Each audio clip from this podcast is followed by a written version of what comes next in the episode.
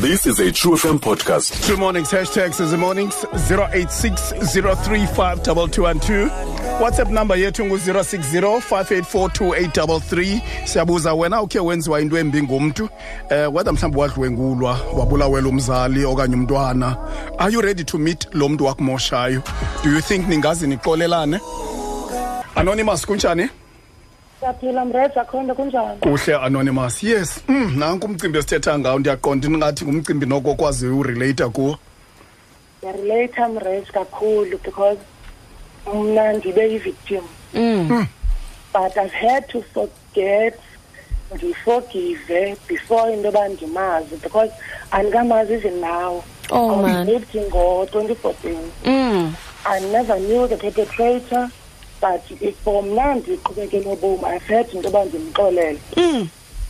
so ndingaze ndiyonwabela into yoba anoze because yena i know uyandazi mm. ewe even though mna ndingazange ndimazi ndiyamazi yena uyandazi because indlela le yenzeka ngayo yenzeka ngento endingayiqondiyo nam mm. but uba ngaba unoza atsho athi mm. no it was me mm. otherwise ndiyaxolisa mm. otherwise endamxolela for uba ndikhululeke mna ndikwazi into yoba ndiqhubeke nobomi bam ndiphusa abantwana bam okay anonymous i know this happened uthi nini ngo-2014 2014 do, do you mind of course you can say no uh, do, do you mind just briefly sharing what, what, what happened Uh, it was upper, upper King, kwenye yezilokishi zilapha around the King. Mm. Ndandihlala khona with my ex-husband. And then what had happened is siphuma kwinto yayimnandi so ndinalaa nto uba ndiye no ndiyayazi apha ekuhlaleni at least ndikhaphe omnye umntana then kanti apha endleleni ebuyayo mna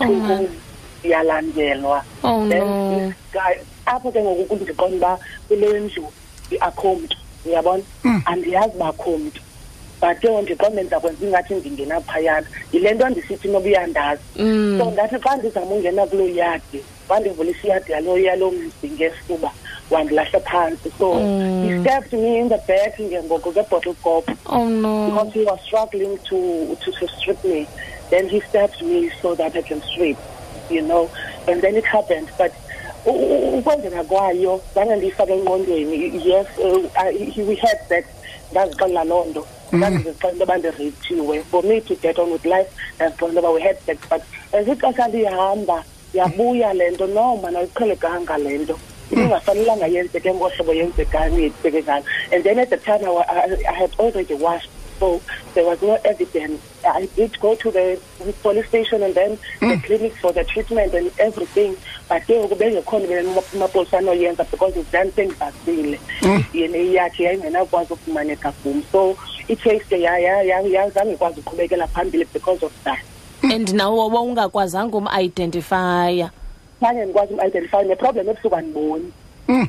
andiboni kakhulu so zange ndikwazi umbona that's why ndisithi noba yena iyandazi unjani wena ngoku anonymous i mean it's five years later how how how are you now um ndirayithi bhuti wam ndirayithi but i believe umtshato wam wagqitywa yiloo nto because mm. eh, emveni kwayo i couldn't i couldn't cope ndaba nee-problems ezininzi but ndirayithi ngoku ndirayithi kakhulu because ndiyakwazi uthetha ngayo without sharing a beer mm. otherwise bekungakwazeki ethubeni ndizihle nje ndiyiloo nto ithon but loo ndirayithi ngoku thanks for sharing anonymous thank you so much i, I, I hope nezinto zakho moving forward zahamba mm-hmm. kahle as well i'm sorry that it also ruined nomtshato wakho but uh, yeah I, i hope you get better moving forward yeah kwankukwazi uthetha ngayo it means you are moving from being a victim to being a survivor and i really commend you and i'm proud of you for loo nto thank you very much thank you sure sure alright masikhangele phaa kwivoice notes uba bathini mna ndam ndaye ndadlwengulwa yi-ex boyfriend kamakazi wam and ngela xesha was only 16 years and eyandityale loo skim kakhulu like yandibulala ngaphakathi andinamntu oyithetha ekhaya akho nto endibalinayo ngolo hlobo manekhaya asifani kakhulu so ndihleli nje ndiyacinga i even try to kill myself amaxesha amaninzi kodwa ndabantu uba uthixo kawuvumi ngayo loo nto leyo loo boyfriend lo ngulo unabantwana kumakazi wam and azange ndiyireporte to anyone and ke yonke le nto yenzekileyo skim okandicinga lo bhuti lowo bese ndibe andisazi uba ndiba njani Yo, hayi yandityaske mna le nja i can't even focus esesikolweni endlini because akho mntu endinothetha naye ngoba kaloku bazawuba ngaba bathi ndiyaxoka mna because i want to draw up some attention kubo and stuff so mm. um si si sicela uphinde do we have inumber yakho yes nayo okay we we do have inumber yakho anonymous and siza kudibanisa uh, ukhona umuntu esawudibanisa mm. nakha inote nje apho mamtshawo and then sibone uba singamdibanisa nabani na eh uh, ozakwazi ukumnceda kule meko akuyo ngoku uh, noba yi-psychologist eh uh, khona ke umama uh, unosikhumbuzo sontshantsha sawuthetha naye masikhawuleze simamelele i-voice note Eh, the pain yokuhlukunyezelwa umntana ungumzali ubuhlungu kakhulu am 31 umntanam una-6 years wareyitshwa ngumntana una-14 years and then ke ngoku lo mntana aphinde beyifemeli kwalapha kuthi even though singahlali endlini eyi-one but uyifemeli so yenzeka loo nto leyo ndihamba ndiyokisa umntanam esibhedlele yavulwa ikheyisi ke ngoku ndaba nekheyisi nama but ekuvulweni kwelo kheyisi akho nix eyenzekayo lo mntana una-14 years uselapha ezilalini and umntanam lona ngokunasuccess utraumatise because mntana uyambona bahlelelene apha elalini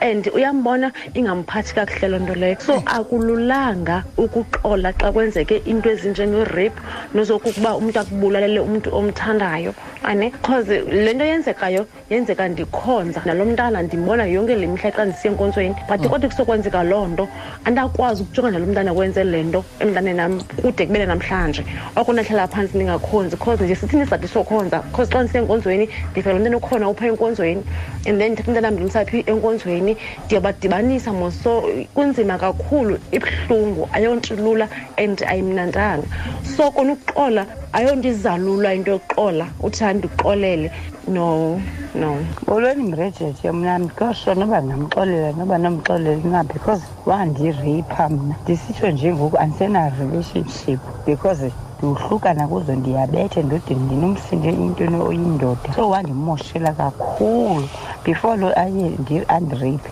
ndandingekho ngomntu oviolent nawe umntu onoyindoda ndiviolent kakhulu andifuna athethe nam nanjani na abethe ndisitsho nje andiyazi mhlawumbi ndaze ndiyibone mhla saze sadibha ya tambrojani ukubra apha i think noba 2015 wabulala umelwane wam bra umelwane wam umelwane wam uyafana no wayefana notatam kum uyabo kuba sasithetha yonke into wambulala ndibula emdubula nonyana wakhe ke phofu same day same night bra Mm. so mna andikabikho redi bra ukumfeyisa umjita i feel like ndiselala enga inside me bra uyabo noba i-correctional service ingazama izama uthini a-a bra i don't think ndawuze ndixole uyabo kuba babantu babefana noba yifemi babebeyifemeli kum kuba ndandikwazi ukuthi noba ndiyashota ngento esikolweni ndicele kubo noba ndishota nganto elifini ndicela kubo bra so hayi andikazoxola mna friend i don't think ndawuze ndixole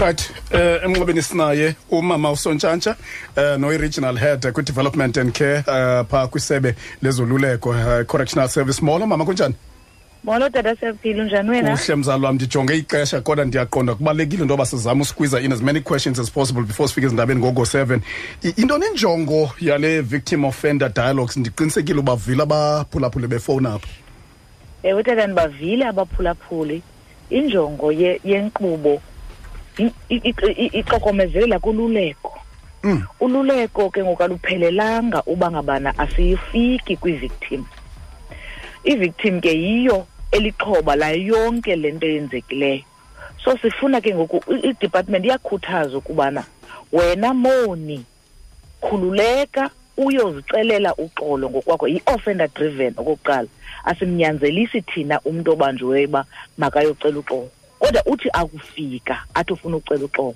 sithi make it a point ubana ke ngoku siyayenza iplatform yoba i-victim le ibe kanti iyalifumana i-justice ngobana wena mntu wonileyo khawubaxelele ubana kwakufike ntoni engqondweni yakho ngelaa xesha uziva njani ke ngoku now that bona nansi ibreadwinner imkile ayisekho mm. ubona baza kwenza ntoni ngaqalindi ke tata uyawufumanisa ubana kwale victim yi-family member apha ekhaya mm. how do you deal with that thina ke siyidepartment asi yenzela into yobana sisithi sikulungiselela ubana uzawuthi xa uphumile no no no leyo into ayo ayikho phambili mm. sifuna ukuthi ngoxesha ungenayo etrongweni if ufilish into yobana ye ikona into endiyenzileyo efuneke ndiyicelele uxolo masikukhuthaze size nee-victims ngenye ixesha uyawufumanisa uba ifemeli le yakho iyi-victim ngoku nayo because ibanjiwe ngohlobo lokubana wena ulapha mm. bona abathethi nabamelwana mm.